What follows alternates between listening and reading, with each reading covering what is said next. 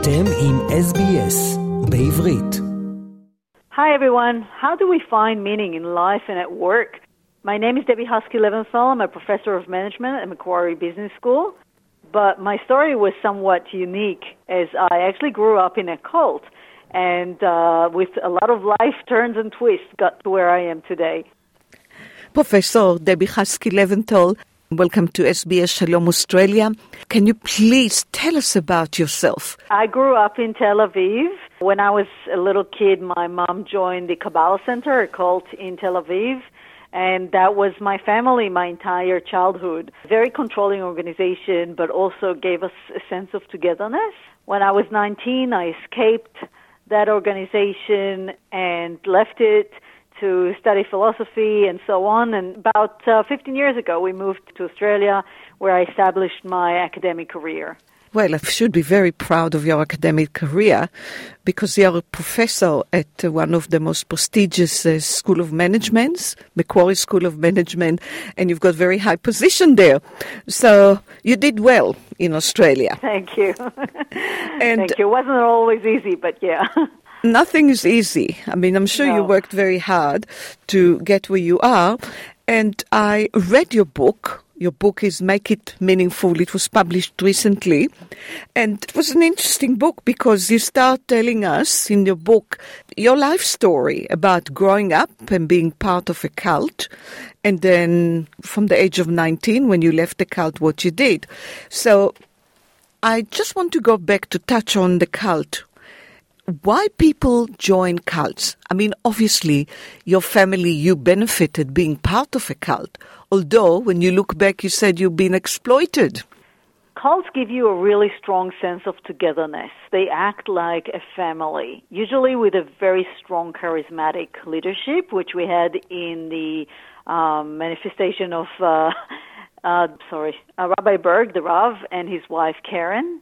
We also had a lot of uh, certain ways to control the members, changing their names, changing what we were wearing, a lot of odd rituals that would look very strange to people who were outsiders to the Kabbalah Center but gave us meaning.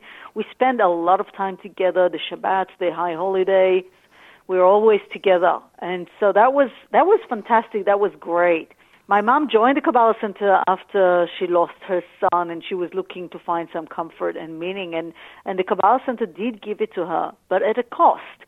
So there is always a cost attached to cults, um, which is why people who leave cults often leave with a lot of anger and resentment because while you are there, you feel very comforted, but it's a little bit like drugs. It's, it's great for the short term, but long term it tends to destroy your life.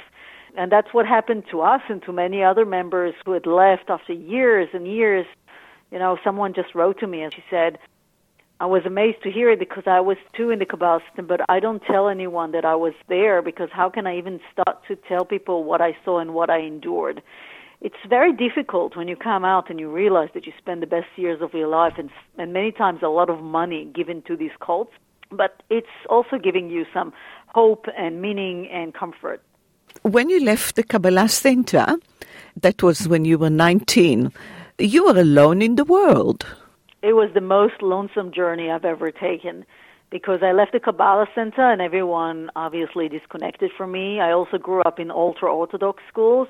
All my very religious friends just lost touch.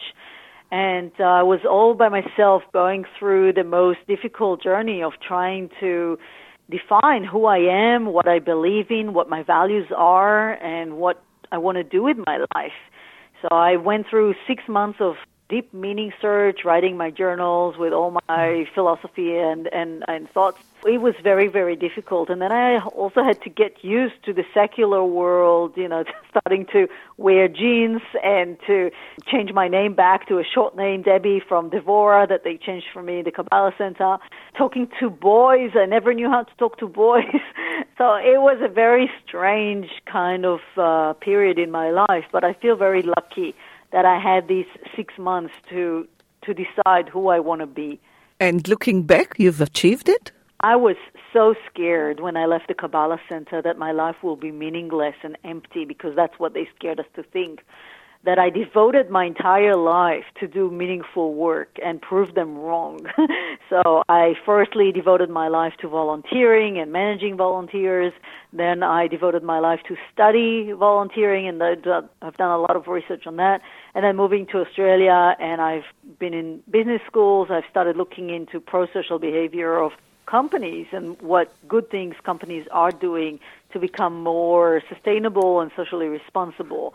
And so my life is so meaningful, it's so rich that I look at this 19 year old girl who was so desperate and so afraid that her life will be meaningless. And I wish I could go back and tell her, don't be afraid, your life is going to be fantastic. It's going to be so rich and so meaningful. But I really had to decide to devote my life to the search for of meaning. And that comes up in the book quite a lot. That's why i tied my story to the lessons on how to find meaning. I couldn't separate the two. It's not like i just grew up in a normal life and then became a professor of meaning. The search for meaning was is so intertwined with my life story that i had to put them both in the book. And the book make it meaningful which just came out with simon and schuster is half a memoir and half a book about how to find meaning in life and work, and I had to connect it too.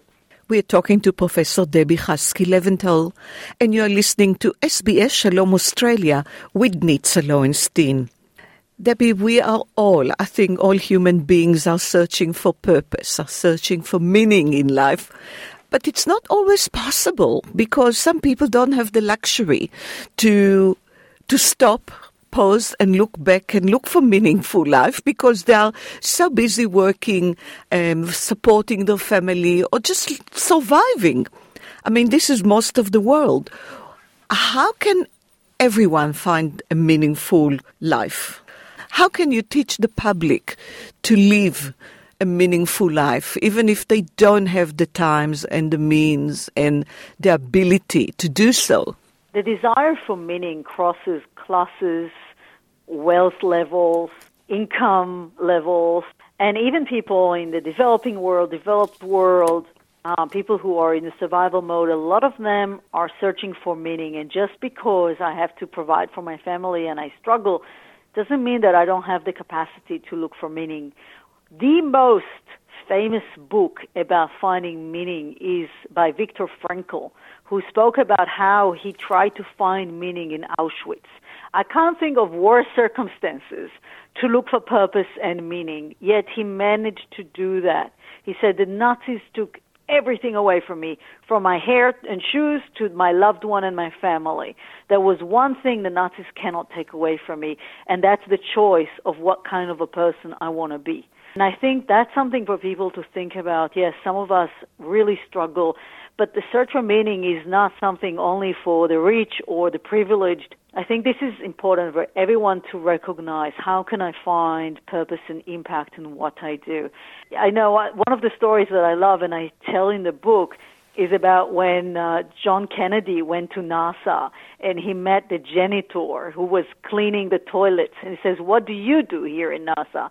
And the janitor said, "Me, I'm putting a man on the moon because you don't have to define yourself in terms of what you do, how much money we bring, what uh, size of a house we have. We can define ourselves by the impact that we create, by the difference that we help to create, and that could help make life and work a lot more meaningful. Do you think everybody's capable of doing it? Absolutely. Even children, people with no education, with a lot of education, I think we need to simplify how you do it. And you know what? I think that a lot of people in poor countries, in developing countries, are so much better at this than we are because we kind of lost our way feeling so trapped by the need to consume and buy and make a lot of money and, and get a bigger car and a better house.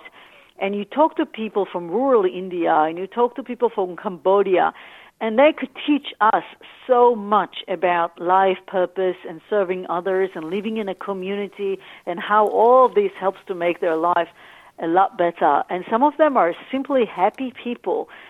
I'm not going to sugarcoat it. Of course, it's, it can be a lot harder. But I'm not saying that just because we have higher income or wealth means we've got the keys to everything. Sometimes the happiest people I've met and the, the ones who have the biggest meaning in their lives are the ones with their you know simple life and simple jobs who are just focused on others. Before we go, Professor Debbie Haski Leventhal, what advice can you give our listeners? How can they find meanings in life? if I have to summarize the book in one minute, I would suggest looking at the TIP model that I include in the book. And the TIP stands for talent, impact, and passion. If you can understand what your talent is, and by talent I don't mean that you need to play the piano like Vladimir Ashkenazy. I mean that all your knowledge, your um, capacity, your capabilities, your competencies, all your skills, everything that you might bring to your work or to your hobbies, everything that makes you you. If you can touch that with your passion, and again, passion sounds like such a big word. A lot of people come to me and say, I don't know what my passion is.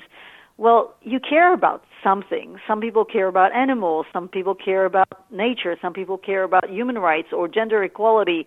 Whatever it is that you care about, try to use your talent and your um, skills to create a positive impact in the area that you care about. If we had more time, I could give you easily give you 10 examples of people who have done just that, from filmmakers to activists, even piano players. My husband, he plays music, but he decided to use that as a force for good because he goes around in aged care homes and he plays classical music to people with dementia or people who are in these aged care homes. And he just feels like his life is so fulfilled because of what he does. It's just about talent, tying your talent and passion to your impact. Professor Debbie Haski Leventhal, thank you so much and good luck with your book and with your wonderful career. רוצים לשמוע עוד סיפורים? האזינו דרך האפל פודקאסט, גוגל פודקאסט, ספוטיפיי, או בכל מקום אחר בו ניתן להאזין לפודקאסטים.